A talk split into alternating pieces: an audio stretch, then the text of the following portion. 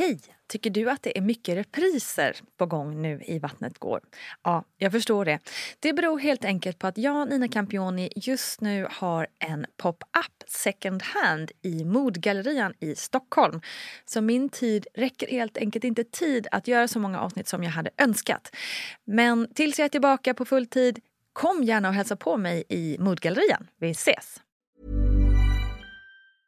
A lot can happen in three years, like a chatbot may be your new best friend. But what won't change? Needing health insurance. United Healthcare Tri Term Medical Plans, underwritten by Golden Rule Insurance Company, offer flexible, budget friendly coverage that lasts nearly three years in some states. Learn more at uh1.com. Quality sleep is essential. That's why the Sleep Number Smart Bed is designed for your ever evolving sleep needs. Need a bed that's firmer or softer on either side? Helps you sleep at a comfortable temperature? Sleep Number Smart Beds let you individualize your comfort so you sleep better together. JD Power ranks Sleep Number number 1 in customer satisfaction with mattresses purchased in-store. And now, save 50% on the Sleep Number limited edition Smart Bed for a limited time. For JD Power 2023 award information, visit jdpower.com/awards. Only at a Sleep Number store or sleepnumber.com. Hey, I'm Ryan Reynolds. Recently, I asked Mint Mobile's legal team if big wireless companies are allowed to raise prices due to inflation.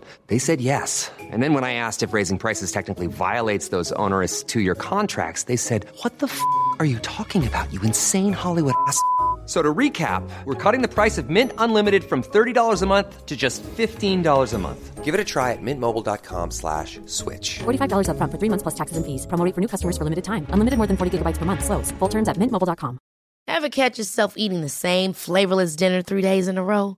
Dreaming of something better? Well, HelloFresh is your guilt-free dream come true, baby. It's me, Kiki Palmer. Let's wake up those taste buds with hot, juicy pecan-crusted chicken or garlic butter shrimp scampi. Mm. Hello Fresh. Stop dreaming of all the delicious possibilities and dig in at HelloFresh.com. Let's get this dinner party started.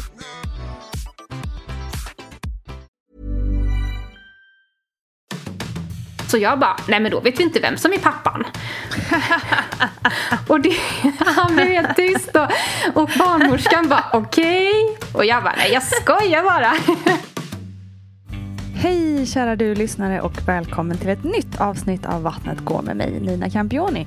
Vattnet går är ju gravidpodden för dig som vill förbereda dig på allt eller inget särskilt inför förlossningen och för dig som kanske funderar på om det här med kids kan vara något just för dig. Eller kanske bara för dig som inte kan få nog av det här magiska som faktiskt en kvinna kan prestera. Nämligen att bära och föda en helt ny jäkla varelse. Ja, oavsett vad så är du varmt välkommen hit till den här podden där jag i varje avsnitt intervjuar och pratar med en kvinna om hennes specifika upplevelser. Och det är banne mig lika spännande varenda gång häftigt värre. Den här veckan så träffar vi Hanna Olvenmark som också gjort sig ett namn under epitetet Portionen under tian. På Instagram, i böcker och i poddform så lär hon oss hur man käkar mat på ett hållbart och extremt prisvärt vis. Kolla in det. Men nu är det alltså dags att prata om graviditet och förlossning och om hur det icke-planerade kan bli något av det bästa som hänt och hur man i sin graviditet kan känna sig som sitt absolut vackraste jag. Och hur en ganska tuff förlossning ändå kan bli ett otroligt fint minne att tänka tillbaka på. Med oss är också som vanligt världens bästa barnmorska Gudrun Abascal. Här kommer Hanna Olvenmark.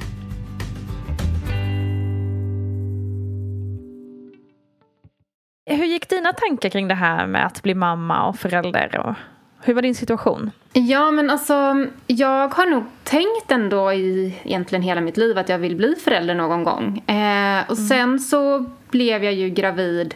Det var ju verkligen inte planerat. Eh, jag hade träffat eh, då, som nu är då Ronjas pappa, förra nyår var det, eh, på en festival och jag åkte dit för att vara så så jag ville verkligen vara singel, jag hade precis kommit ur en relation, jag var väldigt trött. Eh, så. Eh, åkte på en flummig festival och eh, så bytte vi nummer där i princip. Eh, så det här var ju i början på januari. Och sen började vi ses lite där i någon gång i januari och sen i början på mars fick jag reda på att jag var gravid och eh, blev samt, alltså, jag blev väldigt förvånad och väldigt, väldigt, eh, jag var ändå väldigt lugn på något sätt. Jag var lite förvånad över det för att man kanske tänker att så här, oj, man får jättemycket panik av den, det, det beskedet men jag fick typ inte det. Ehm, Vad tror du det berodde på då? jag tror, det som är lite lustigt när jag tänker tillbaka var att jag samma ve- vecka eh, som jag fick reda på det här satt i på fik med min mamma och en vän typ. Och då sa jag så här, skulle jag bli gravid så skulle jag behålla det. Och jag var så här, och jag hade pratat om barn typ den månaden. Det var väldigt, väldigt konstigt. Eh, så att det var som att jag hade omedvetet förberett mig själv på något sånt här. Eh, Kroppen kanske kände på sig liksom. Ja, alltså något, något var det ändå. Så att när jag fick detta, såg den här, det här plusset på stickan så fick jag ju, alltså jag fick ju en, liksom en jättehög puls. Jag var så här, oj, oj, oj, det här, shit. Eh, och vi hade också faktiskt den veckan bestämt oss för att inte fortsätta ses. Eh, så att, Okej. eh, för han bodde, bodde då i Stockholm och jag var inte, jag kände mig som sagt så här, jag behövde vara lite själv. Eh, Men jag, eh, jag fick ju möta upp honom och berätta det här. och ja, eh, Hur tog han det då? alltså han sa, oj vad spännande. Eh, Ja, bra reaktion. Ja, och jag trodde liksom egentligen, jag var rädd att han skulle bli arg. Alltså så som man har läst om, alltså jag tror egentligen att mm, män eller killar kanske mest blir rädda när de får ett sånt besked. Men det kan ju te sig på väldigt många olika sätt. Och jag har historier i min närhet som inte alls har varit särskilt trevliga. Eh, så, så jag var ändå liksom, jag var, jag var rädd på det men egentligen inte kopplat till honom, eller rädd för det. Men han tog det hur bra som helst. Eh, och så sa han att, men vad du än bestämmer dig för så eh, är jag med dig. Eh, Så stöttar jag dig. Och då så frågade jag honom, men är du med på riktigt då? Eh, Och då så sa han, ja men det är jag. Wow. Ja, och sen så tog vi ändå, Så coolt. ja, så tog vi ändå en vecka på oss att fundera. Jag skulle till iväg och föreläsa en vecka i, uppe i norr. Och ehm, han funderade och sen kom jag tillbaka till Stockholm och så sa, sa jag först, men jag vill köra. Och då så sa han, ja men då gör vi det. Ehm, och ja, men det var en väldigt, jag har, jag har varit gravid två gånger innan. En gång när jag var 19 och en gång när jag var 25. Och då var det ganska, det var helt andra känslor i mig vid graviditeten. Det var väldigt mycket mer så här, jag vet verkligen inte, åh hur ska det här gå och sådär. Och när jag, den här graviditeten, för då valde jag att avbryta dem. Den här graviditeten, det var något helt annat lugn över mig. Ehm, och jag tänkte nog, jag kände inte den här människan så bra, men jag kände ändå att min magkänsla sa att han kommer, oavsett vad det blir av vår relation, vara en väldigt, väldigt, väldigt bra pappa. Och den, den känslan räckte för mig då. Det är ju en otroligt viktig eh, känsla. Ja. Alltså, eh, det tror jag nog många känner igen också. Att, liksom att man eh, har tur att hitta en sån person där man känner sig trygg i det. Liksom. Då, då finns det inte så mycket att tveka på. Liksom. Nej, och framförallt när jag kände att han kommer vara en bra person mot det här barnet oavsett eh, vad vi blir. Eh, Och jag var verkligen så här att jag ville verkligen inte gå in i en relation för att vi skulle ha barn ihop utan det var, det. eftersom att vi inte kände varandra så bra så, så, så sa vi båda det att nej men det här får vi utforska. Eh, Och han bodde ju då i Stockholm och det var ju väldigt mycket liksom Alltså det var, ganska, det var ganska rörigt och en ganska rolig sak i detta är att precis när vi hade bytt nummer så fick han ett sms av sin mamma som var Har du hört talas om Hanna Olvenmark? Eh, du borde kolla upp henne. Eh, Okej. För att hon då hade hört mig på radio och att vi hade väldigt lika värderingar. Så att det var ju liksom Nej, inte, gud. inte i dejtingsyfte han skulle kolla upp mig utan med typ kolla vad hon gör för att eh, hon gör roliga grejer, typ så. Nej. Och sen fick han ju höra av sig och Vad berätta häftigt. att han skulle ha barn med Hanna Olvenmark. Eh, Så hon blev ganska nöjd med det kan jag tänka mig. ja, jo. och det, så det var, det är liksom många saker i det här som jag tänker, tänker ibland, men det här var nog menat på sitt sätt. Ja, Eh, precis. Det känns ju lite så. Ja, ja och han... Eh, eh, så vi, eh, vi lärde liksom känna varandra under graviditeten får man väl säga. Men hur funkade det rent praktiskt i och med att han också bodde i Stockholm? Liksom, eh, åkte ni fram och tillbaka till varandra eller var det mer liksom ja, kunde han haka på ultraljud, sådana där grejer? Mm. Han var väldigt med i allting och det var också så att vi, ja, vi sa liksom så här, vi får se vad det här blir men jag var väldigt tydlig med att jag kommer inte flytta till Stockholm. Eh, Min familj är i Göteborg, jag känner att det är viktigt för mig och det fick liksom, han fick köpa in på det. Eh, men så bestämde vi ändå att, att han skulle eh, flytta ner i, eh, när förlossningen närmade sig. Men han var med på i princip alla besök, tror jag. Och det första besöket det var också lite kul för att jag trodde ju att jag... Jag tror att anledningen till att jag ens blev, blev gravid var att min ägglossning hoppade en vecka bakåt. Vilket den aldrig gör. Eller inte vad jag eh, vet i alla fall. Eh, så att... ehm, eh, Intressant. Ja, och det kan också ha bara varit det behöver inte alls ha varit så. Men, men när, vi väl, när jag räknade ut då hur gammalt det här fostret borde vara så när vi kom till vårt första liksom, ultraljud då sa hon ja men det är nog en, eld, en vecka äldre än vad ni tror. Och så sa hon hur känns det att få reda på det? Och jag har lite så här bizarr humor så jag bara nej men då vet vi inte vem som är pappan. och det, han blev helt tyst och, och barnmorskan bara okej. Och jag bara nej jag skojar bara. Och det kanske inte är så här, det är sant man kanske kan skämta om när man har varit ihop i flera år men när man precis exakt. har träffats så var det, det Och han bara så här börjat flytta typ. Ja. Och bara, han bara, det var inte jätteroligt Hanna. men så, jag vet inte, jag kanske testade honom lite där. Men ehm, vi, eh, han var med på allt och var väldigt, väldigt, eh, väldigt, väldigt intresserad. Eh, så. Och sen var det många i min närhet som var så här, nej men jag fick ju, när jag berättade för min familj så var det så här, eh, jag är gravid och folk bara, med vem? Eh, Ja, just det. Eh, så det blev ju också mycket att jag tror att alltså, folk blev nog lite oroliga för mig. Hur ska du lösa det här? Men eh, som min, och min morfar sa det för han växte upp med en ensamstående mamma och han, han var så här, kommer du bli ensamstående nu? Och jag bara, men morfar det vet man väl aldrig om man blir? Och han bara, nej det har du faktiskt väldigt rätt i. Eh, så att jag, jag tror att jag var nog egentligen så här Inom mig var jag såklart, herregud vad har vi gett oss in på? Men för att andra, alla andra blev så här, ställde så mycket frågor så kände jag bara så här, jag ska bara vara helt kolugn i det här. För jag orkar inte ta på mig andras oro också. Nej, just det. Eh. Var det jobbigt att få alla de där frågorna och oron kastade? Ja, jag tyckte nog att den allra mest störande frågan var, är ni ihop? Alltså så här, folk, folk var helt... Eh, det var den frågan jag upplevde att folk var mest besatta av att veta om vi var ihop eller inte. Och det tycker Mm. jag inte alltid säger om man har en bra relation eller inte ens. Nej, det är Eh, väldigt sant. Så att jag sa så här, nej. ibland sa jag ja, ibland sa jag nej beroende lite på hur mycket jag orkade måla kände ut. just då. Ja. Eh, för sa jag ja så ställde folk inte så många följdfrågor och sa jag nej så fick jag mer förklara mitt resonemang. Och Mm. eh, ja. Eh, och, Det är roligt för jag har suttit eh, typ hela tiden och lyssnat och bara mm, undrar om jag ska fråga om de hade en kärleksrelation. ja. Jag bara, ah, så.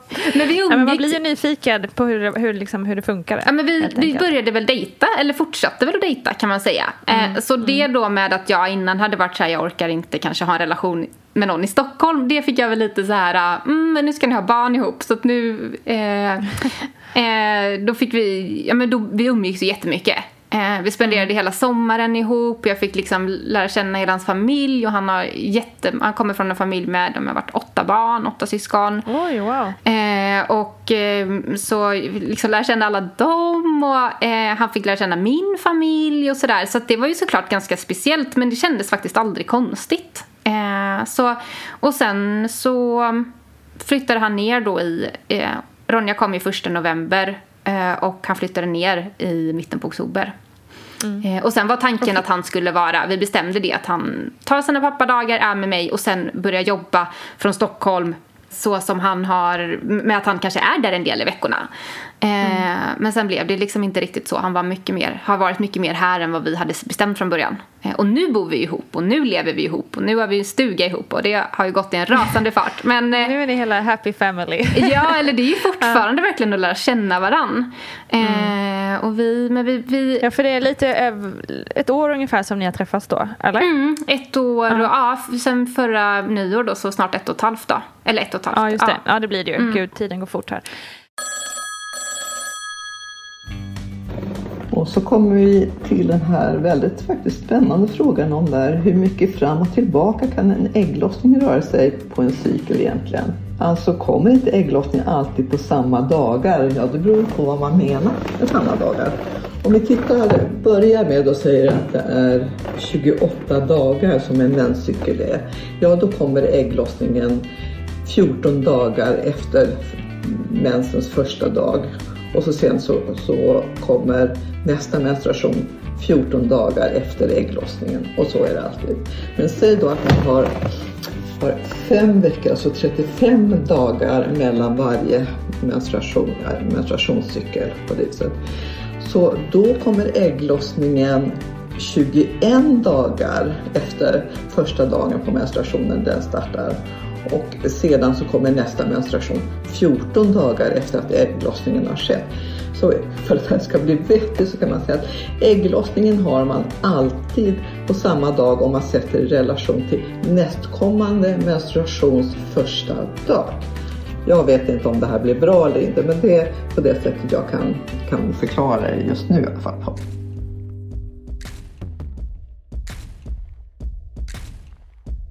Jag kan, är nog en sån person som har varit lite så här, tyckt att det varit lite jobbigt med etiketter. Jag tyckte att det har varit lite mm. jobbigt att kanske committa sig. Och det här blev ju något, på något sätt så här, eh, ett, ett, ett, på något sätt väldigt bra för mig att bli så extremt kommunikativ. Eh, att vi bara för, det blev ju för barnets skull men det blev ju också verkligen för våran skull och våran relations mm. skull. Så mm. vi har haft, eh, vi har verkligen lärt oss att prata med varandra. Eh, och det har vi ju definitivt haft nytta av i föräldraskapet också såklart. Det är väl verkligen ett verktyg som är viktigt att ha med sig. Ja, och, det, och, det, Helt klart. och vi kan ju kanske inte liksom förlita oss på att vi hade Alltså vi får ju upptäcka allt nytt nu. Jag menar vi har inte ens varit ute och festat ihop. Alltså det är ganska många grejer vi inte har liksom upplevt ännu.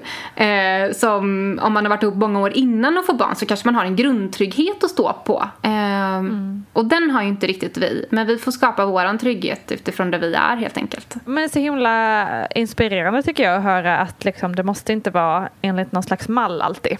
Nej, och jag, jag tror att för mig landade verkligen beslutet i vill jag behålla det här barnet för att jag hade inte behållit det om inte jag hade velat. Jag har ingen sån moral att man måste behålla ett barn eftersom jag också uppe, uppe, uppenbarligen har gjort två aborter innan. Men jag landade verkligen mm. i, vill jag ha barn?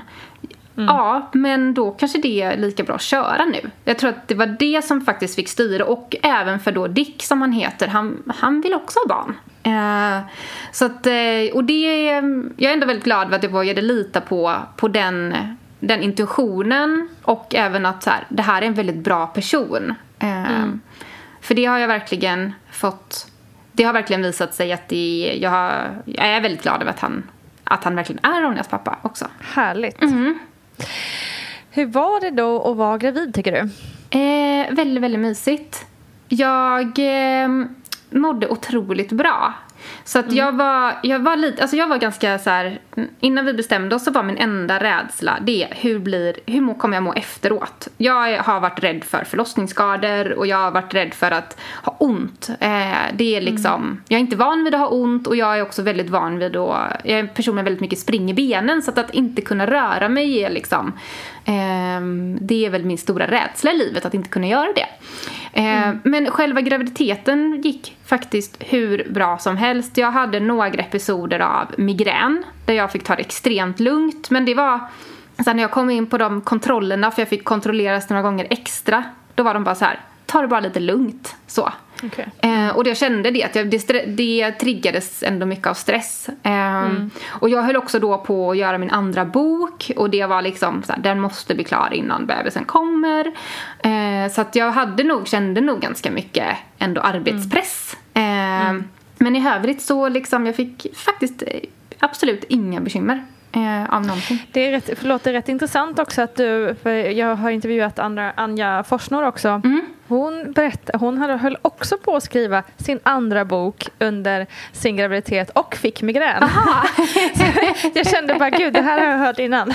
ja, det kanske är så här då eh, graviditetsmigrän på grund av bokskriveri. Ja, bokdeadline. Ja, nej, men man... hon hade också så här, den måste bli färdig innan bebis kommer. Ja, ja, ja. men det var väl det som jag kände låg över mig. Eh, mm. men, jag... men får jag fråga, är migrän något du har haft innan eller kom det bara nu under graviditeten? Eller har du haft det tidigare i livet också? Nej, jag har haft alltså, några få några få liksom, episoder. Mm. Alltså typ enstaka gånger egentligen. Inte ens episoder.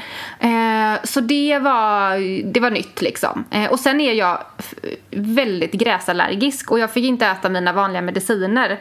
Så att jag, mm. jag tyckte, jag hade alltså någon, någon sån, något midsommarfirande då förra året som var helt hemskt. Jag bara Mm.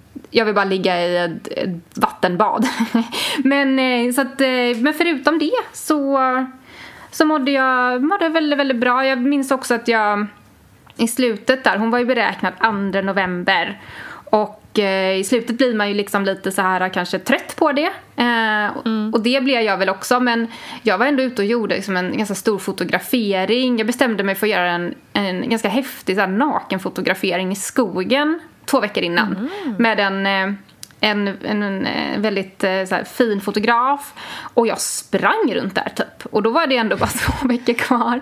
Så jag kände mig så himla lätt. Alltså på ett, så här, mm. På ett, ett frihetssätt. Mm. Vad härligt. Så, men sen så i slutet... Hur var det liksom att vara, i och med att ni hade en sån ny relation och inte kände varandra så väl. Hur var det liksom, jag tänker när man är gravid, det är väldigt mycket kroppsligt. Det är väldigt mycket så här eh, läten och eh, vätskor och det är liksom, man växer till höger och vänster liksom. Och jag tänker så här när man är i en ny relation så är det rätt vanligt att man så här vill vara sin eh, försöka visa sin snygga sida hela tiden om man säger så. Ja. Eh, och man vill inte få hormonella utbrott och ja men sådär. Var det någonting sånt som kändes så här lite eller kändes det bara naturligt? Nej, ändå? det kändes väldigt naturligt. Jag, mm. Det enda jag vet att jag sa till honom det var så här, för jag tyckte kanske att det är lite jobbigt med, alltså det kan ändå vara en viss gravid eh, alltså fokus kanske på att sen komma i form tidigt efteråt och sånt. Jag bestämde mig under graviditeten, jag ska inte köpa in på något av det. Alltså jag, ska, mm. jag, jag är en, liksom en person som gillar att träna och sånt där. Men jag ska ta det efter ska jag ta det så liksom min takt. Och då sa jag det till honom. Så här, jag vill aldrig att du säger någonting om att jag inte ser ut som innan graviditeten. Eh, mm. Det var det enda. Eh, mm. Och han skulle inte göra det, men jag gjorde det. Nej. Jag sa bara det. Eh, men nej, annars så kände jag mig, jag kände mig faktiskt väldigt så här, eh, I slutet kände jag mig liksom tung, men jag kände mig ganska fin liksom. Jag, mm. Det var inte... Det var inget jag gick och tänkte mycket på. Nej, faktiskt. Vad skönt. Ja, jag gjorde ändå en bok. Det är ju, det är ju så det ska vara. Det är bara, bara, bara en tanke som slog mig så här stereotypt att man liksom, du vet, ja. i en ny relation vill visa upp en sida som man kanske inte riktigt alltid är. Jaha, nej det vet inte. Jag tror också att det var för att vi liksom gick inte... På något sätt blev vår relation sekundär. Mm. Alltså även om vi dejtade och sånt så kände jag ju mer då att så här, vi går in i det här som föräldrar nu fast vi samtidigt liksom dejtade.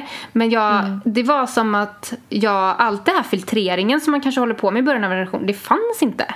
Nej. Eh, så att det kanske också visar på hur typ trygg jag kände mig med honom. Eh, att, att inte behöva förställa sig eller sådär. Mm, eh, på något sätt. Det är så man ska känna naturligtvis. Ja. Verkligen.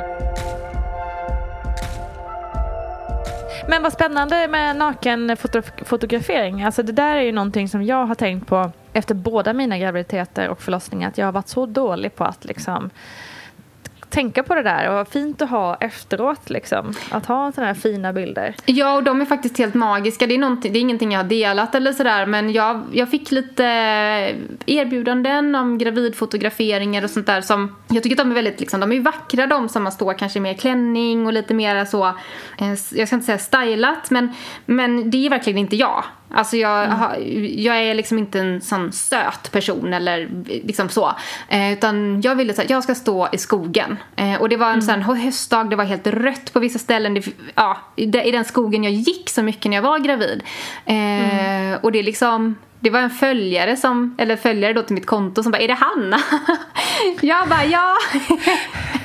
jag tänkte precis fråga dig, hur liksom, var det ett gäng strövare och hundägare och andra Aj, som Ja, ja, ja, absolut. Men jag var väldigt obrydd. Jag var så här, det här är så roligt. Jag, det var verkligen en av de bättre dagarna förra året och vi hade så kul. Det, och det är en fotograf jag har eh, känner lite sen innan och, och, hon är väldigt bra på att fånga liksom, det vackra och det nakna. Eh, mm. Och det är väldigt liksom, det är helt, helt så ärliga liksom. Eh, så att, mm. Eh, ja, jag kan rekommendera det.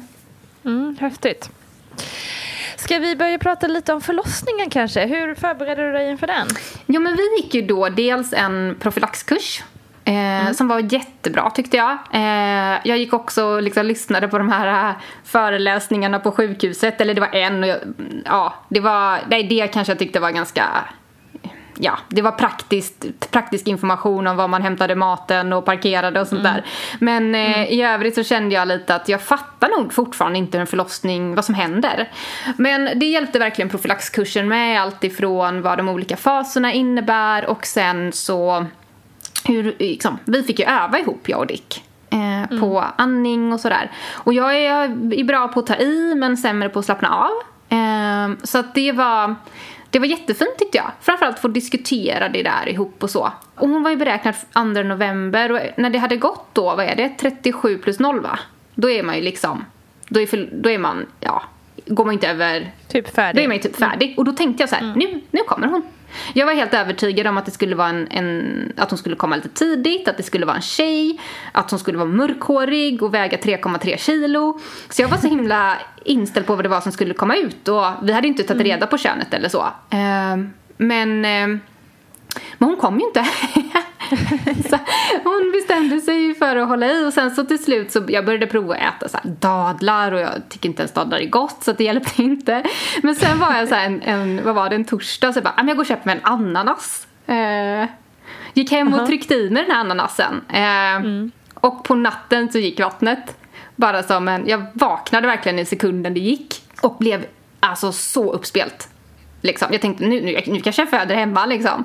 eh, men eh, men eh, så var det inte. Hon- Då ringde vi in och då sa eh, hon bara, förlossningskoordinatorn bara, gå och lägg dig igen. Och så ta en binda och så gå och lägg dig och så ring imorgon bitti. Och när vi då vaknade eh, så, var mitt, eh, så var det i bindan, det var så här brungrönt. Eh, Så att, som att det då var meck i... Och då blev jag extremt orolig. Eh, verkligen. Alltså jag kunde inte äta, jag var helt så här, hjälp vad händer nu? Eh, och eh, så eh, ringde vi in och så fick vi komma in till akuten där, förlossningsakuten och så kollade de och då tog jag med mig den här bindan. Eh, Och de bara, nej men det kanske inte är det här. Och så bara visade jag den här bindan. De bara, jo jo jo, det är ju solklart. Ja. Ja.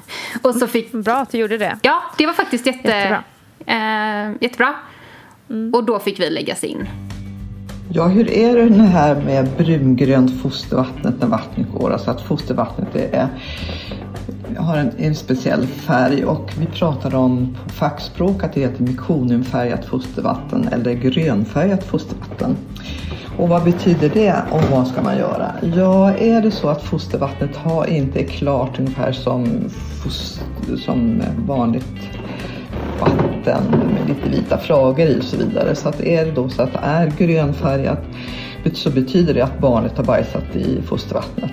Och man vet inte riktigt vad det har för betydelse ibland. Men vi ser i alla fall att det kan vara så att barnet är stressat av någon anledning. Men det behöver absolut inte vara det. Men eftersom man inte vet så ska man ta kontakt med den förlossningsklinik där man ska föda. Och de kommer att be då eh, kvinnan att komma till förlossningskliniken på en gång för att man ska kolla upp hur barnet mår. Men de allra flesta gånger så mår barnet bra. Men alltså barnet har bajsat i fostervatten och när det späds ut, när bajset späds ut så får det den här färgen. Men hör av er och är det så att man är lite, inte vet riktigt säkert hur det är eller inte, så slå alltid en signal. Det är aldrig att, att fråga en gång för mycket än en gång för lite. Så hör av er ifall att det skulle vara på det viset. Men jag hade inga verkar då, eller någonting.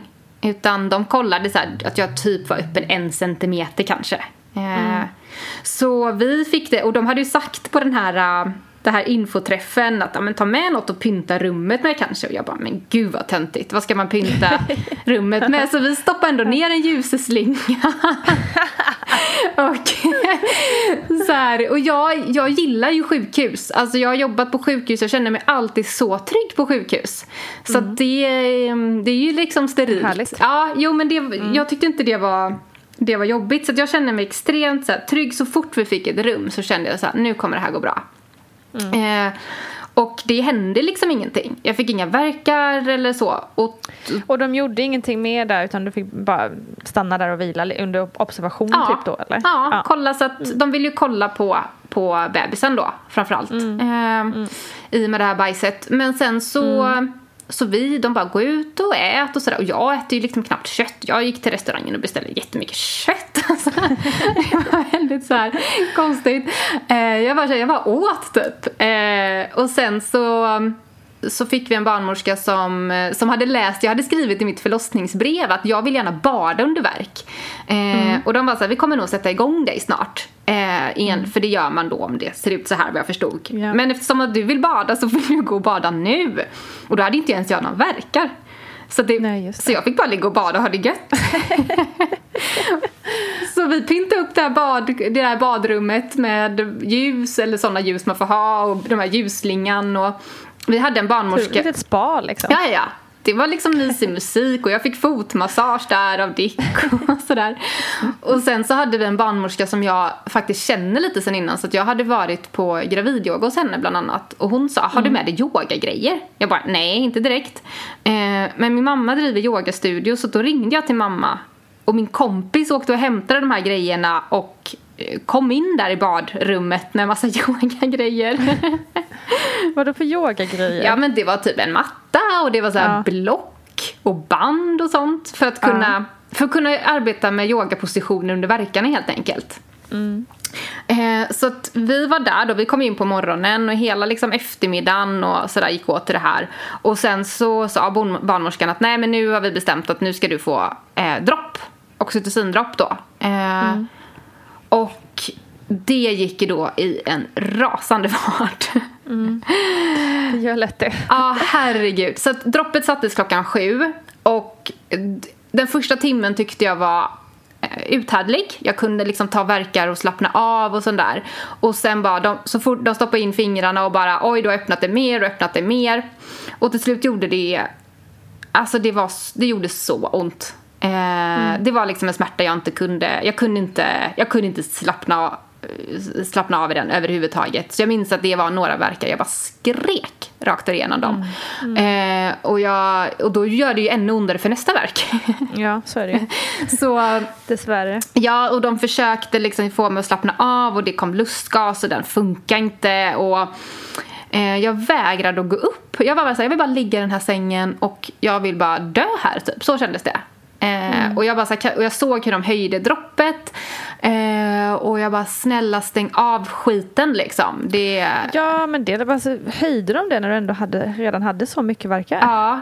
Känns ju onödigt kanske. Ja, jag vet inte. De sa att så här, vi, det här gör vi enligt liksom, något PM och ja. Ja. Eh, och jag till slut bara, jag hade ingen, jag hade egentligen inte tänkt igenom så mycket bedövning. Men till slut bara så här, ni måste ge mig en epidural nu. Så här, Det här, jag måste få en paus. Eh, så. Och de var så här, det kommer nog inte hjälpa med en epidural för det här går väldigt fort. Eh, jag bara, jag skiter i det. Eh, ge mig den typ. Så då ringde de faktiskt på en narkosläkare och då så satte de en epidural och nu var kanske klockan så här, kvart över nio, halv tio.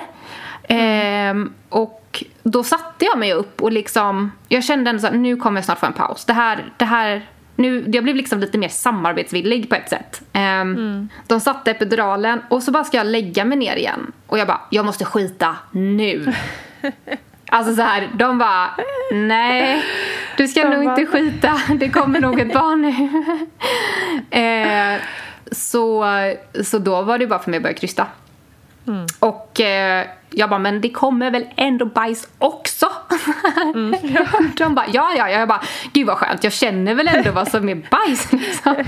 Och jag tyckte inte det där var jobbigt. Jag, alltså jag, jag, jag tycker aldrig sånt där är jobbigt, så det var verkligen så här. Eh, men då fick jag någon typ av super eh, känsla igen. Eh, jag tyckte verkligen det var väldigt, väldigt skönt från att inte ha kunnat slappna av alls i de här eh, j- jätteverkarna liksom. Eh, så kunde jag bara så här, mell- mellan kryssningarna blev det så lugnt. Och jag bara åh herregud det här har jag längtat efter. Och så ja hon, eh, så de satte i droppet vid sju hon var ute strax efter tio. Så och då kom hon upp på ma- magen och var en tjej som vägde nästan 3,3 kilo och hade mörkt hår. Så du hade ändå sett henne innan på något vis? ja, jag hade nog gjort det. Och eh, ja, Men vad, alltså de här, hur, liksom själva krystdelen där, var det någonting du kände var, hur kändes den delen liksom? Alltså mestadels så har jag bara otroligt sköna minnen från det. Jag tyckte att det var Mm. så skönt att få ta i. Och jag liksom hörde också det när, när mm, för det var, då var de eh, två barnmorskor och en eh, undersköterska. Och jag hörde också att den ena barnmorskan sa hon är jättestark. För den barnmorskan som jag kände lite, hon valde att inte gå hem när sitt pass var klart. För att hon såg så här, det är så nära förlossning nu. Eller nära eh, eh, födsel. Och, och jag kände, hon sa så här, hon är stark. Då kände jag verkligen så här, åh gud vad stark jag är. Så att jag, jag hade super, super mycket kraft. Alltså jag hade egentligen vilat mestadels under dagen och ätit massa. Så jag var liksom, jag var verkligen inte trött. Ehm, och så jag kände, jag kände nog att det brast lite. Eh, när, det liksom, när det nog gjorde det. Eh, Och tyckte väl att det gjorde lite ont. Men överlag så tänkte jag bara så, herregud vad häftigt att bara få så det, innan när man hör om de här krystverken så har jag alltid liksom tänkt bara, men hur fan vet man om man ska krysta? Men det. det. var ju bara så här, det var ju astydligt. Eh, och det tyckte jag var väldigt skönt. Ja, det är verkligen tydligt i de allra flesta fallen. Och just det där med att man blir bajsnödig är ju ett superstort tecken på att Ja. nu är det nära liksom. Ja, ja eh, så, så när krystfasen minns jag med glädje. Eh, och, men sen så kom hon ju då upp på magen och det var väldigt, alltså jag fick inte sådär, jag var inte så här bara, åh det här är min mest magiska stund i livet. Jag kände inte riktigt så då. Utan jag var liksom så här, åh gud vad skönt att det här är över nu. Nu är hon här. Men så de sydde, jag fick en lätt liten bristning, sydde väl typ två, tre stygn. Ehm, och sen fortsatte de att trycka där då. Och sen så till slut fick jag åka ner på BB med, med, med lilla Ronja och Dick. Och då började de trycka mer och det kom ut mer blod. Så att då fick jag åka tillbaka till förlossningen eh, för att få ett, något, okej. ett starkare dropp. För då hade det till slut kommit ut en och en halv liter blod. Så att då Oj. var de liksom Ehm, ja, då fick jag ligga ett tag där och återhämta mig lite då så att de verkligen såg att det här, man säga, hålet då blev helt, eh, inte, alltså slutade komma ut blod helt enkelt. Eh, så att jag var väldigt, väldigt, väldigt, väldigt trött efter det. Eh, jag hade, jag, jag, jag gjorde jag gjorde mitt med matningen på BB, men det var typ det. Sen fick Dick typ sköta Ronja. Ehm, Helt och hållet nästan. Han gick runt mycket med henne i bärsjal och blev någon bärsjalsambassadör för andra pappor på BB. Så de, det var pappor som åkte iväg och köpte bärsjalar. Nej, vad bra. Gud vad härligt. Ja. Eh, och jag låg och var otroligt trött. Så jag, jag, jag tappade... Det blev mycket blod men jag hade väl något HB på typ 130 när jag åkte in för förlossning och var nere på 80 när jag var klar. Och var väldigt, väldigt, väldigt, väldigt trött. Det förstår jag. Och sen så började, ju, började jag känna så här, alltså man är ju rätt öm efter att ha tryckt ut ett barn. Men jag kände efter två dagar Det är att, rimligt. Ja, jo men det är ju rimligt men det är också svårt att veta hur ska det kännas. Visst är det så. Jättesvårt. Ehm, så jag eh, till slut så, jag sa det till Dick, jag bara det här känns inte bra liksom. Han bara, men då måste du be dem kolla på det. Och då gjorde de det och då såg de att den här bristningen hade, den hade gått upp stygnen. Så den var som helt öppen igen. Okej, aj, aj, aj. Ja, och, det, och tydligen så vet man inte riktigt vad som är bäst. Är det bäst att sy det på plats eller är det bäst att låta det försöka självläka ihop?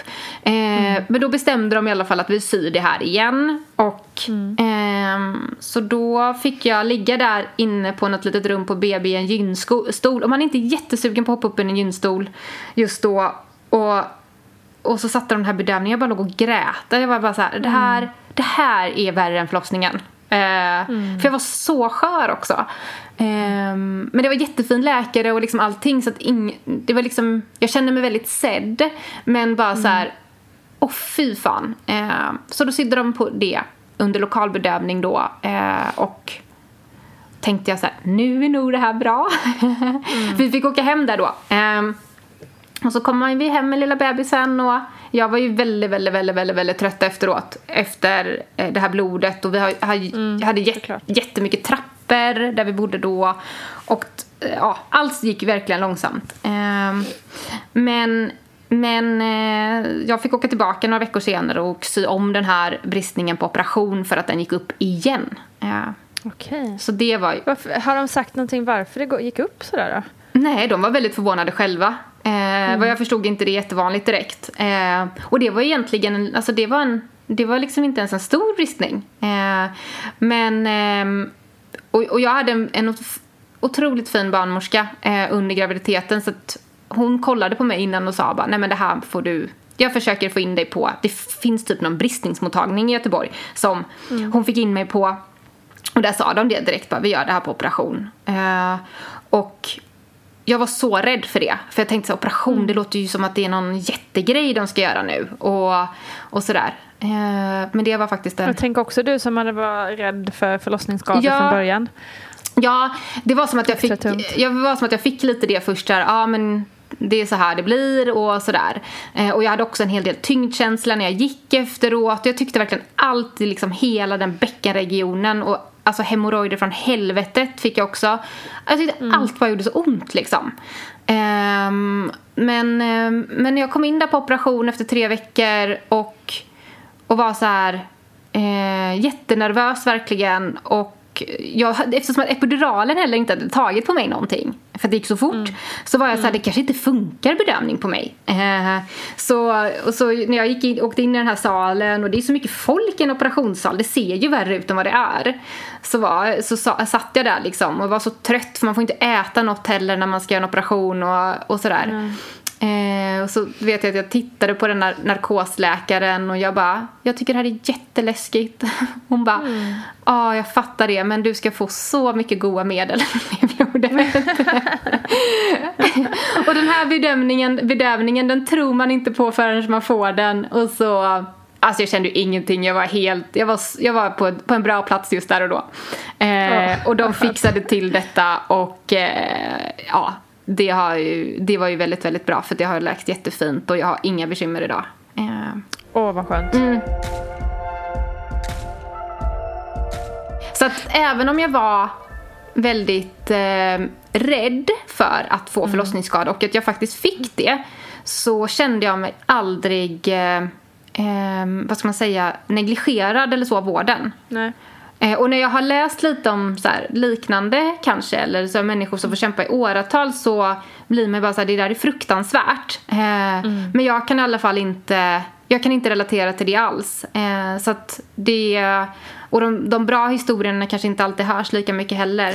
Nej, det är jätteviktigt att du säger det. För det var precis det jag skulle fråga dig. Hur du upplevde att du fick hjälp liksom, och lyssnad på och förstådd. Mm. För det är ju det man oftast hör. Att det ingen vill lyssna på en och att man bara blir runtskickad. Och, Ja, och absolut inte få den hjälp som man är, för, liksom, ska ha. Nej. Så det är ju fantastiskt viktigt att, även, att man även får höra att det absolut går att få den hjälp man ska ha. Ja, nej men jag fick verkligen det och det eh, det enda som jag kanske kunde tycka var lite konstigt det var väl att det kändes inte som att det var rutin på BB att göra en sån här kontroll att så här, ser Nej, allt bra ut. Eh, mm. Jag tror faktiskt att det ska vara det i alla fall om man läser i deras såna här liksom, mål för de hade ju dem uppe på sjukhuset. Eh, mm. men, eh, men det fick jag ju be om och men då, då kom det ju liksom någon där som, så att, att våga be om det man behöver eh, tar jag med mm. mig om jag får barn någon gång igen. Att, mm. att inte vara för jag var lite så bara, nej men ska jag verkligen? Och Dick var så här, men du säger ju att du har ont. Nu, nu mm. ber du om hjälp. Uh, mm. Um, men nej, jag har faktiskt bara, bara, bara bra upplevelser. Och även så fick jag även, alltså efter då stygnen och allting så kände jag emellanåt att jag har tyngdkänsla. Eh, och sådär. Då gick jag till en sjukgymnast som eh, jag har gått ett tag och fått jättefin hjälp. Eh, och det var inget framfall eller så men hon var så här, nej men du behöver knipa lite mer och sen blev jag nog lite, jag har nog fått lite ärrbildning eh, och mm. fått och gått och fått massage av det och liksom sådär. Eh, så att eh, jag har fått, jag, jag är alltså 10 av 10 till vården. Gud vad härligt. Ja, Ja. Underbart att höra. Ja. Men det känns också som att du har, eh, kanske också med stöttning av din eh, kille där, liksom eh, vågat be om det och, och gått till experter och, och så. Ja. Eh, för det kan ju också vara det som hämmar en många gånger, att man inte vågar, som du var inne på lite där, att bara, nej men inte ska väl jag, antingen kan det vara det där att man liksom, nej men inte ska väl jag jag är ju bara lilla jag liksom. Eh, eller att man tycker att det är, är pinsamt eller att det är jobbigt att eh, liksom, göra undersökningar och ja, men allt det där. Det finns ju många anledningar till att man inte vågar. Liksom. Ja men verkligen. Och jag, var, jag, jag tycker väldigt, liksom, jag tycker inte att det är jobbigt att göra gynundersökningar men det kände jag verkligen ändå efter efter graviditeten och jag hade ont. Bara, jag vill inte hoppa upp i den här stolen. Men Nej. det var så här, bara, jag, jag måste göra det nu för att det eventuellt ska bli bättre. Mm. Eh, för man vill, eller jag ville verkligen inte att någon skulle börja pilla liksom. Eh, Nej, precis. Det förstår man ju verkligen. Jag vill inte man ens, är som ömmast liksom, ja, och känsligast. Och vill inte ens kolla själv. Det var skitläskigt. Nej. För det var, det var så jag upptäckte att det hade gått upp igen. Jag tog en spegel och kikade. Jag bara, nej men det, det Först var jag så här bara, hur såg jag ut innan? Det var som att jag hade glömt av det. Men, men jag bara, så här ska det ändå inte se ut. Man ska inte ha ett hål här. liksom. eh, och, eh, och eh, det kan ju också vara faktiskt en och hon visade faktiskt mig läkaren när jag fick sy där i lokalbedövning. Hon bara, vill du se? Och jag bara, alltså inte jättegärna men okej. Eh, och så visade hon mig vad hon hade sytt. Eh, och det var rätt obehagligt att se det tyckte jag. Mm. Men också, det tror jag säkert, men viktigt också säkert för att få förståelse vad det är det handlar om och ja. hur det ska se ut versus inte och så vidare. Ja men absolut. Eh, så, mm. att, så att jag, jag är mindre rädd för förlossningsskador nu än vad jag var innan förlossningen. Eh. Alltså det är ju fantastiskt ja, att du känner så. Ja, eh, och du, Gud. Och nu har jag inte haft någon, liksom, någon större skada och, och sådär. Men, men, eh, eh, men ändå, det är skönt att ha den, ha den eh, det, är väl, ja, det är skönt att ha den känslan tycker jag. Verkligen. Och det är ju så det ska vara en vård som fungerar. Liksom. Ja, ja, men absolut. Verkligen. Tusen tack bästa Hanna Olvenmark som du också kan hitta under portionen under tian på till exempel Instagram. Och där, ja där hittar du ju också Vattnet går förstås. Och återigen, glöm inte mammagruppen på Facebook. Tills vi hörs igen, ha det så otroligt bra och stor kram.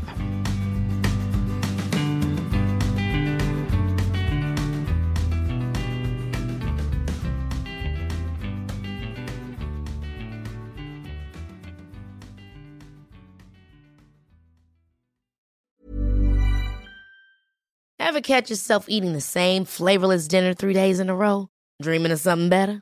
Well, HelloFresh is your guilt-free dream come true, baby. It's me, Gigi Palmer. Let's wake up those taste buds with hot, juicy pecan-crusted chicken or garlic butter shrimp scampi. Mm. Hello Fresh. Stop dreaming of all the delicious possibilities and dig in at HelloFresh.com. Let's get this dinner party started.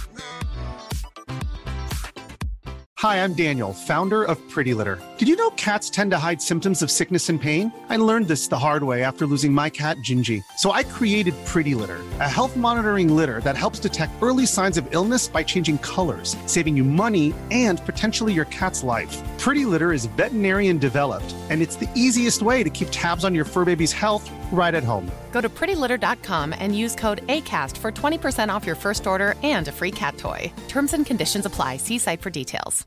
Imagine the softest sheets you've ever felt. Now imagine them getting even softer over time. That's what you'll feel with Bowl and Branch's organic cotton sheets. In a recent customer survey, 96% replied that Bowl and Branch sheets get softer with every wash. Start getting your best night's sleep in these sheets that get softer and softer for years to come. Try their sheets with a 30-night guarantee. Plus, get 15% off your first order at bowlandbranch.com. Code BUTTERY. Exclusions apply. See site for details. Planning for your next trip? Elevate your travel style with Quince. Quince has all the jet setting essentials you'll want for your next getaway, like European linen, premium luggage options, buttery soft Italian leather bags, and so much more. And is all priced at 50 to 80% less than similar brands. Plus, Quince only works with factories that use safe and ethical manufacturing practices. Pack your bags with high-quality essentials you'll be wearing for vacations to come with Quince. Go to quince.com/pack for free shipping and 365-day returns.